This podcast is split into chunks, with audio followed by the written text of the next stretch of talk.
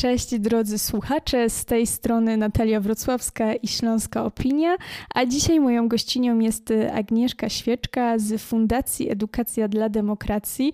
E, no i tutaj nazwa zdradza już wszystko, bo będziemy rozmawiać i o edukacji, i o demokracji. E, co to w ogóle jest Fundacja Edukacja dla Demokracji i kogo trzeba edukować? Fundacja Edukacja Demokracji ma już 30 lat, powstała w 1989 roku z inicjatywy nauczycieli polskich i amerykańskich. W ogóle wyrasta takich środowisk edukacyjnych, które działały na rzecz demokratyzacji jeszcze przed przemianami demokratycznymi w Polsce. I to był jakby początek naszej pracy. Chcieliśmy myśli, znaczy to nie byłam wtedy ja, ale założyciele i pierwsi działacze nad tym pracowali, żeby mm, pracować, wspierać nauczycieli w rozwoju do przyszłych pokoleń. E, przez te 30 lat e, fundacja zrealizowała wiele programów, ale obecnie skupiamy się na wsparciu organizacji pozarządowych, czyli takiego e, mocnej podstawy społeczeństwa obywatelskiego, który realizowany być, może być jedynie w, w demokracji. Z naszej perspektywy jest to taka formuła, która daje największe szanse dla jednostki, żeby się realizować i żeby E, wpływać na e, otoczenie i na zmiany, które byśmy chcieli, e, no, które byśmy chcieli zobaczyć w naszym najbliższym otoczeniu. Mamy takie główne dwie działki w naszej działalności. Z jednej strony wspieramy E, społeczeństwa krajów byłego Związku Radzieckiego. Mamy program grantowy, który się nazywa RITA Przemiany w regionie. Jest to program, który inicjowała Polsko-Amerykańska Fundacja Wolności i my prowadzimy ten program wspólnie z fundacją. I polega to na przekazywaniu polskich doświadczeń krajom, e, z e, instytucjom z, z, z tego regionu. Mamy takie poczucie, że Polska przeszła jakąś drogę transformacyjną. Myśmy również inspirowali się zachodnimi e, przemianami, różnymi obszarami, znaczy zmianami w życiu społecznym, gospodarczym, politycznym. I teraz tak samo chcemy te, te, te doświadczenia, co warto robić, czego może warto lepiej nie robić, przekazywać dalej i, i w tym e, działamy. Mm, czyli bliskie są nam e, wsparcie krajów takich jak Białoruś, Ukraina, E, kraje e, e, Europy Wschodniej, Azji Centralnej i, i Kaukazu Południowego. To są nasze obszary działań w tym kierunku i tam tą, taką, ten wątek demokracyjny też eksplorujemy. Jeśli chodzi o wsparcie organizacji w Polsce, mamy również programy grantowe, które wspierają działania organizacji pozarządowych e, w różnych obszarach. Jesteśmy operatorem e, w, w konsorcjum razem z e, FRDL-em i w FRSI w ramach programu Aktywni Obywatele i tam dofinansowujemy działania na rzecz różnorodności społecznej, praw człowieka, ale też wzmacniania instytucji kultury demokratycznej w Polsce. I to są konkursy grantowe, gdzie i organizacje mogą się ubiegać o takie wsparcie właśnie w tych obszarach.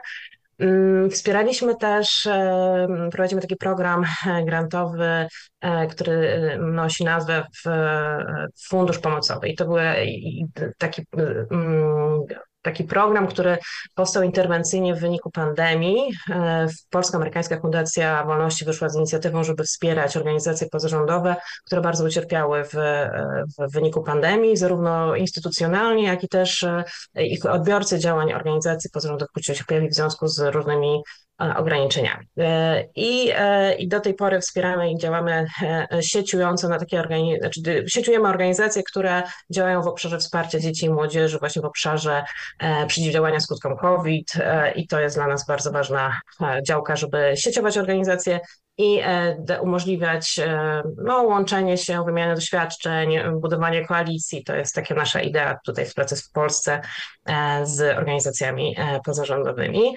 Mamy też takie działania już e, edukacyjne bezpośrednio, które prowadzimy.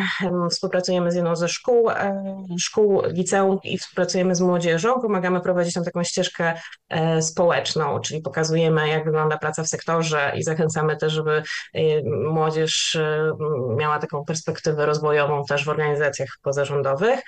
I prowadzimy również szkolenia, wykorzystujemy taką grę edukacyjną, która się nazywa przepis na demokrację, w których już składniki demokracji sobie omawiamy, e, mówimy, co stanowi, jakie są instytucje demokratyczne e, i co znaczą te pojęcia. To jest taki już element tak bardzo wiedzowy, dotyczący tego, co to jest ta demokracja, ale jest to przyczynek do rozmowy i młodzież wtedy uruchamia myślenie o tym, jak jest sytuacja w Polsce i czy czegoś nam brakuje, czy, czy demokracja to jest albo nie ma, czy może jest coś lepszego niż demokracja.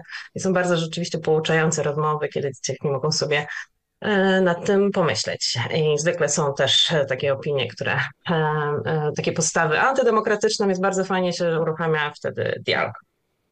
I ten dialog to jest kolejna rzecz, którą robimy też bezpośrednio dla nas istotą też demokracji jest dialog, czyli chęć zrozumienia siebie nawzajem i pro, propagujemy ideę dialogu wśród uczniów, ale też wśród organizacji pozarządowych. Tak skrócie. Jest tego trochę. E, powiem, że jestem mhm. zaskoczona e, jakby ilością e, i w ogóle tematów, no ale w sumie demokracja, tutaj było wspomniane i społeczeństwo obywatelskie, i dialog, ale podobało mi się to hasło składniki demokracji. Czym są te składniki demokracji i dlaczego my o demokracji powinniśmy nauczać? No to jest e, dlaczego? Dlatego, bo e, tak powiedział Winston Churchill, e, że jest to najgorszy z systemów, ale nie wymyślono innego. Znaczy, to parafrazuję ten cytat, ale ale e, nie, wymyśliło, nie myślono niczego innego. I powiem szczerze, znaczy ja osobiście wolę w, w, takich działaniach e, edukacyjnych nie skupiać się na samym tym pojęciu demokracji, tylko bardziej właśnie na instytucjach demokratycznych i na wartościach, które stoją za tym systemem, czyli e, wolności wszystkich do równości, tak? Czyli chcemy, żeby wszyscy mieli równe prawa, a ograniczenia tych praw wymagają jedynie takie sytuacje, które wpływają na to, żeby wolność innych ludzi też umożliwić, tak? Więc to jest taka jak podstawowa idea, czyli zgoda na to, że wszyscy jesteśmy wolni i chcemy być równi, tak? E, e, I z tego, z tego bym wychodziła w ogóle myślenie o naszym systemie społecznym, bo czasami hasła demokratyczne potrafią być wypaczone, czasem są niezrozumiałe, czasem potrafią być wykorzystywane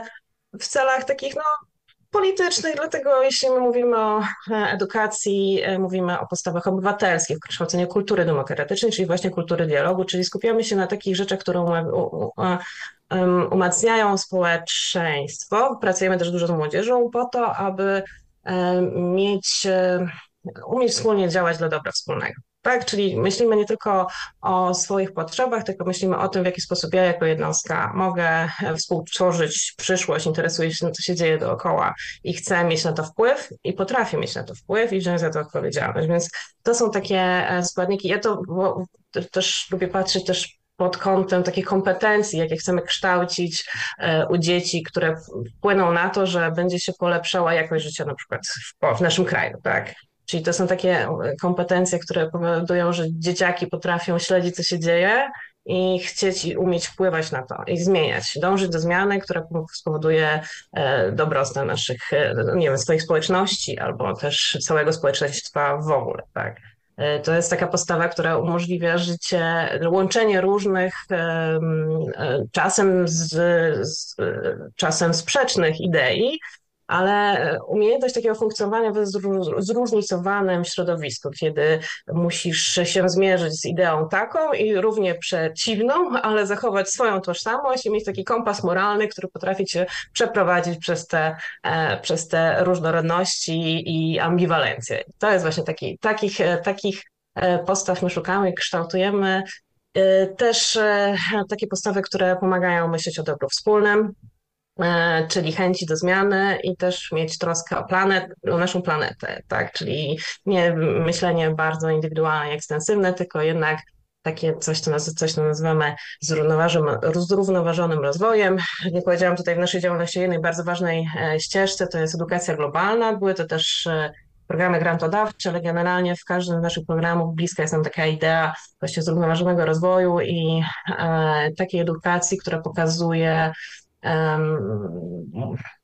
różne zależności światowe, jak one się ujawniają i w jaki sposób można mówić o tych takich globalnych zależnościach, tak? Czyli to myślenie mniej europocentryczne też, ale też z uwagą na takie globalne przejawy różnych, no, globalne zjawiska, które mają wpływ na to, co się dzieje u nas w Polsce. Wydaje mi się, że właśnie y, jak mówimy o demokracji, czy właśnie zrównoważony rozwój, społeczeństwo obywatelskie, mhm. to są gdzieś takie duże pojęcia, może nawet, y, nie wiem, chciałabym użyć tutaj słowa górnolotne, e, a na co dzień żyjąc sobie, chodząc do pracy, y, ucząc się e, i tak wiadomo, proza życia leci, e, nie myślimy mhm. o tym za bardzo, a jednak to, czy my na przykład, nie wiem, weźmiemy rachunek w sklepie, czy kupimy bilet, bilet y, jadąc autobusem, e, to wszystko wchodzi jednak e, w te właśnie górnolotne pojęcia. E, jak dołączyć do społeczeństwa obywatelskiego na co dzień i tą demokrację jednak krzewić? Mm, no jest kilka no, pewnie wariantów. Nie ma jakiejś jednej metody edukacji obywatelskiej, która kształci do życia w demokracji, bo to jest jednak proces i to nie jest tak, że to jest raz dane na zawsze, tylko właśnie się mówi, że zadane i to się eksploruje, rozwija i zmienia ale wychodząc z wartości właśnie, czego chcemy. Chcemy, żeby e, mieć możliwość realizacji e, siebie jako jednostki. Tak, to jest jedna rzecz, a z drugiej strony pamiętać o tym, że żyjemy w jakimś e, w społecznościach, które składają się nasze społeczeństwo, które funkcjonuje też globalnie.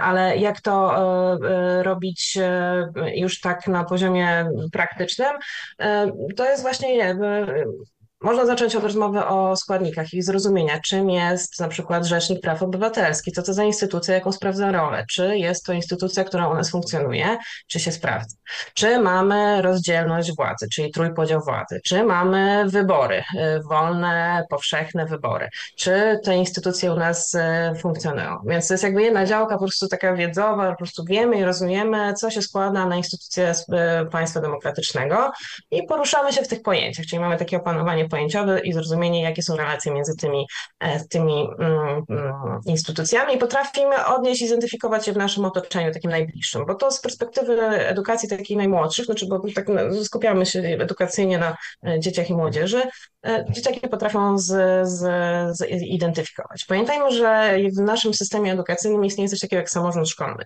I to jest druga rzecz, żeby edukować do demokracji, dać też możliwość doświadczenia jej w środowisku szkolnym.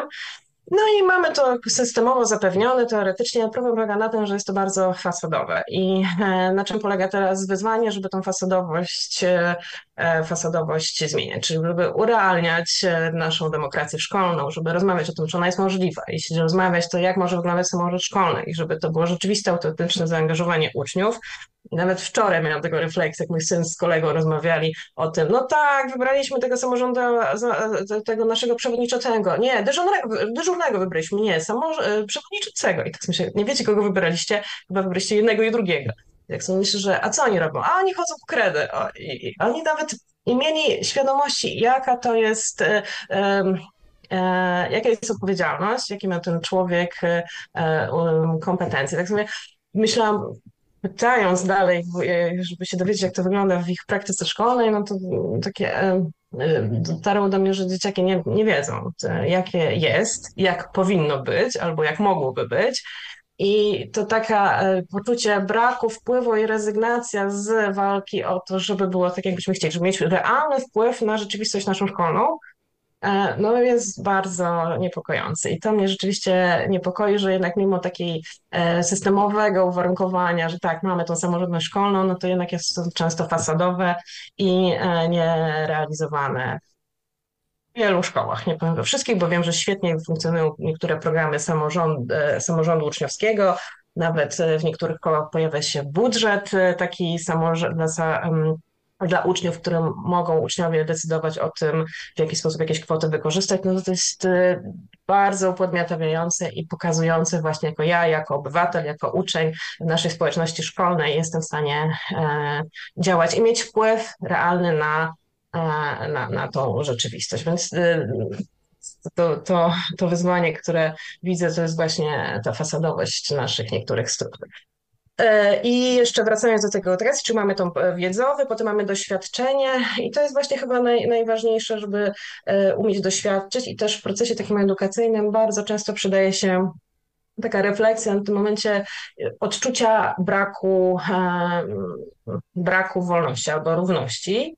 E, I wtedy możemy, jeśli młodzież jest w stanie w ramach, nie wiem, jakichś zajęć edukacyjnych, czy też e, samorządności szkolnej poczuć brak tego wpływu, to powoduje myślenie o tym, że chcą tego zmienić. Więc to jest trochę też takie e, mechanizmy edukacyjne, że pokazujemy, żeby jednak dać na przykład w zajęciach różnych móc sobie wyobrazić, jakby to by było, gdybym nie miał takiej możliwości rozwojowej na przykład, tak? Albo gdy moje prawa ze względu na to, że jestem, mam, nie wiem, mam taki wzrost albo taki kolor skóry, albo taką religię, albo e, to, z jakiej rodziny pochodzę, e, miał wpływ na moje, e, na moje, na moje możliwości rozwojowe. I przy symulacjach takich czasem to wychodzi po prostu, że uruchamia się myślenie, dlaczego ważne jest zadbanie o to, żebyśmy mieli te, te, te instytucje, które dbają o nasze wolności.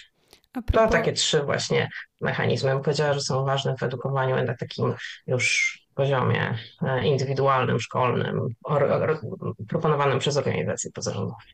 A propos praw i wolności, czy my mamy kryzys demokracji obecnie? Czy mamy kryzys demokracji? Na pewno mamy kryzys e, parlamentarny, na pewno, w, mojej, w moim odczuciu. I to pewnie w zależności od kogo, kogo spytamy, tak nam odpowie. Z mojej perspektywy są naruszane niektóre e, zasady życia demokratycznego, ale Powiem też tak, e, czy myślimy o kryzysie demokracji? No demokracja zawsze jest e, organizmem żywym, czyli e, na pewno nigdy nie będzie tak, że to jest jakaś idea, która się w 100% spełni.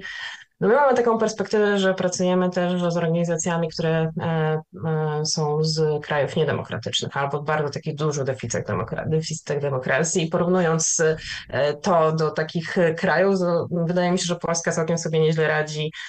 W, jednak instytucje mamy dosyć silne, chociaż bardzo się zmieniły przez jakieś ostatnie lata ale przed nami wybory i e, możemy się zastanawiać, czy one będą e, czy one będą równe, sprawiedliwe, czy nie będzie fałszerstw, e, jednak mamy mechanizmy, które mają temu zapobiegać. Mamy teraz ogłoszenia o obserwatorów wyborczych, więc wiemy, że będą te wybory, które raczej będą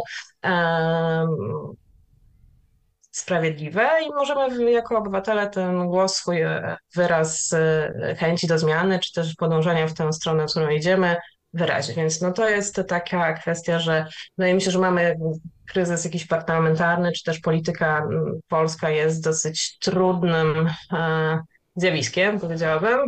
Co swoją drogą dzieci w ogóle się czy dzieci młodzież bardzo mało się interesuje i rozpoznaje w ogóle scenę polityczną. Jest po prostu bardzo trudna, żeby śledzić ją i to rozumiem, że dorośli nie są w stanie śledzić, też trudno im jest podejmować decyzje wyborcze. To młodzież, kiedy no, mało czasu jednak spędza i jednak standardowo nie interesuje się taką bieżącą polityką i życiem społecznym, tylko bardziej swoim e, jakimś indywidualnym środowiskiem, takim bliskim, e, no to rzeczywiście jest trudno potem podejmować decyzje, szczególnie, że teraz jest to trudno śledzić.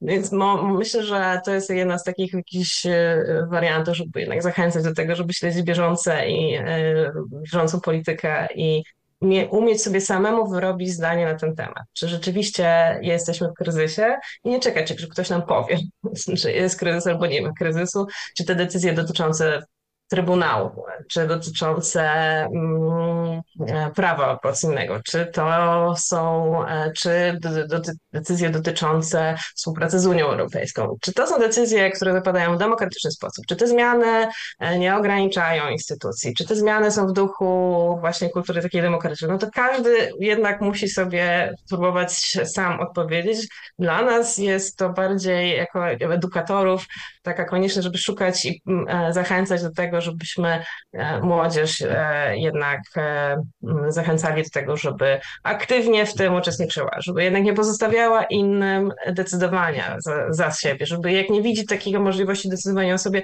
to walczyła o to. I to jest właśnie taki, taki druga strona medalu, bo jeśli czujemy się że w zagrożeniu, że demokracja jest zagrożona nasze wolności mogą być ograniczane, no to wtedy środowiska się konsolidują. I tak jak obserwuję środowiska organizacji pozarządowych, na przykład działających w edukacji. Mamy tę inicjatywę SOS Edukacja, która e, no, olbrzymią liczbę organizacji zajmujących się e, edukacją i dbających o jakość edukacji i przyszłość naszych pokoleń dbającą, potrafią się potrafią się konsultować, potrafią wspólne, wspólny front jakiś ustalać, więc no to jest bardzo też takie pocieszające w sytuacjach, kiedy mamy poczucie, że, że jesteśmy w jakimś kryzysie lub chcemy zmienić coś, no to wtedy to siła w, w, walki wspólnej e, jest bardzo ważna i się rzeczywiście ujawnia, więc to pokazuje też siłę e, sektora pozarządowego w Polsce.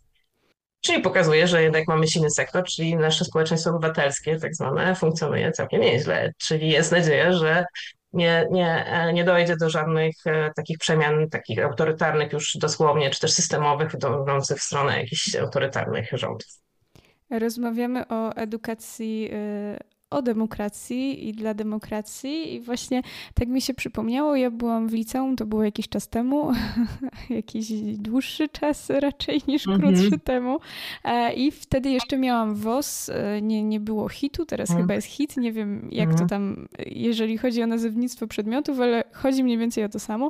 E, no i wszyscy ten WOS tak traktowali po macoszemu, bo to tam jedna godzina, takie tam jakieś, no, polityka, coś tam, nikogo to nie za bardzo interesuje interesowało, a e, jeden z nauczycieli powiedział nam, że to jest najważniejszy przedmiot, jaki my mamy, i miał oczywiście rację, bo e, żadnego przedmiotu tak naprawdę tyle w życiu nie wykorzystamy, e, ile tego WOS-u.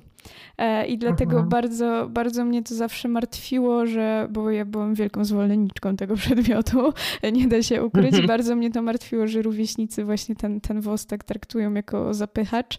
E, ale teraz e, na studiach również jak coś tam ktoś powie, że interesuje się polityką, to raczej większość osób się krzywi i a, polityka, dajcie spokój, a przecież to jest nasze życie, nasza codzienność.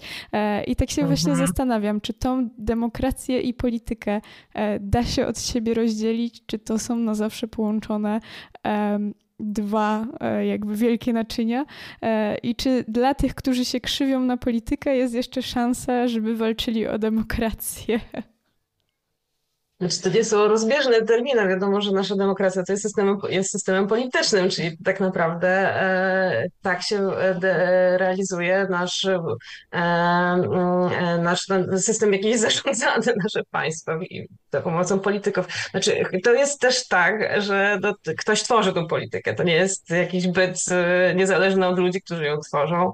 I, i to jest chyba taki. Mm, E, taki wątek przewodnik, na który trzeba zwracać uwagę. I to tak mi trochę zawsze, e, e, że to może właśnie ty będziesz następnym ministrem edukacji Albo może e, kogo byśmy chcieli widzieć e, w roli ministra edukacji, bo to są, no właśnie to jest to pokolenie, które będzie chciało zmieniać i no muszą mieć ludzi, przygotować ludzi, którzy będą chcieli prowadzić inną politykę. Też trzeba mieć zrozumienie do tego, że jednak polityka jak wkracza do rodziny, to trafia się, czy rozmowy o polityce potrafią być naprawdę trudne.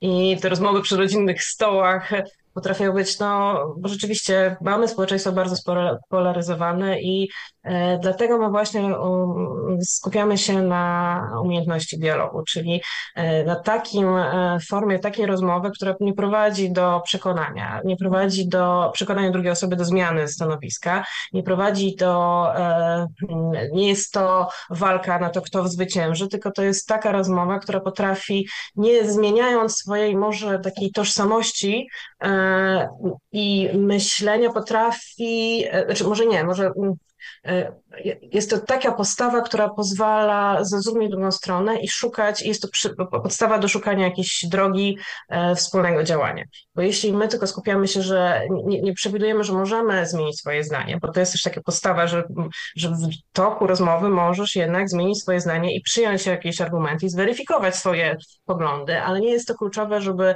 wynikiem takiej rozmowy była zmiana zdania jednej lub drugiej strony. Chodzi o to właśnie zrozumienie siebie nawzajem i to jest kluczowe dla idei demokratycznej, bo każde, e, każda e,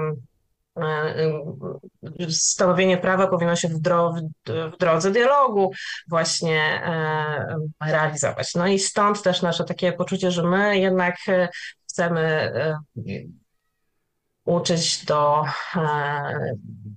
uczyć współpracy właśnie taką drogą, tak, że jesteśmy w stanie się sobie siebie nawzajem wyobrazić, potrafimy ustalić swoje stanowiska i współdziałać, szukać takich rozwiązań, które nie są kosztem drugiej osoby. Więc może jest to trochę idealistyczne, ale od czegoś można zacząć taką współpracę. Więc wydaje mi się, że to jest właśnie taka postawa, że nie chcę nikogo przekonać, jakoś chcę go zrozumieć. Wydaje mi się, że w jakoś w edukacji szkolnej jest trudno do zrealizowania, więc zwracamy na to uwagę też w naszych działaniach takich edukacyjnych. Spróbujmy siebie zrozumieć. To bardzo ładne zakończenie. Y, wydaje mi się, że jest tak, że e, patrzymy na, na te pokolenia młodsze od nas z nadzieją e, i gdzieś pokładamy w nich, e, w nich właśnie nadzieję, jakieś może też wiarę. Mhm. Edukujmy edukujmy my sami albo odsyłajmy do specjalistów. I tutaj e, już e, zmierzając e, do końca, gdzie Was znaleźć, jak, jak się dowiedzieć więcej o edukacji, zaprosić Was do, do szkoły, jak to zrobić? Mhm fed.org.pl, nasza, PL, nasza strona internetowa, na której wszystkie aktualności, zaproszenia do programów bieżących e, e, można znaleźć. Mamy też stronę e, fanpage na Facebooku, czyli Fundacja Edukacja dla Demokracji, pod, tym, pod tą nazwą nas znajdziecie. Zachęcamy do śledzenia, bo tam wszystkie wybory do naszych programów edukacyjnych, czy też ogłoszenia o konkursach grantowych do organizacji można znaleźć. E, ich zapraszamy też do kontaktów bezpośrednio z koordynatorami, bo też mamy taką misję, żeby e, pokazywać i uczyć i e, no, mm, wspierać organizacje, które są początkujące i na przykład chciałyby realizować działania, ale nie wiedzą jak, więc zachęcamy do kontaktu też indywidualnego. Dziękuję bardzo za rozmowę. Mam nadzieję, że to była rozmowa poszerzająca horyzonty albo e, taka, która dała nadzieję, myślę. E, tak mi się wydaje. Przed nami bardzo ważne święto demokracji e, na jesień, także wszystkie ręce e, na pokład i, e, i mam nadzieję, że E, będzie to prawdziwe święto demokracji, bardzo bym sobie tego życzyła, a najmłodszych edukujmy i nie zlewajmy tego wosu, bo, czy tam innego przedmiotu, który jest odpowiednikiem wosu, bo to jest naprawdę ważne. To jest ważne. I tak, niech e, nie dajmy się sobą sterować, sami decydujmy. Nie zapominajmy o tym. Dziękuję bardzo. Moją gościnią Dziękuję była bardzo. Agnieszka Świeczka, Fundacja Edukacja dla Demokracji. To był podcast zrealizowany przez Stian Media.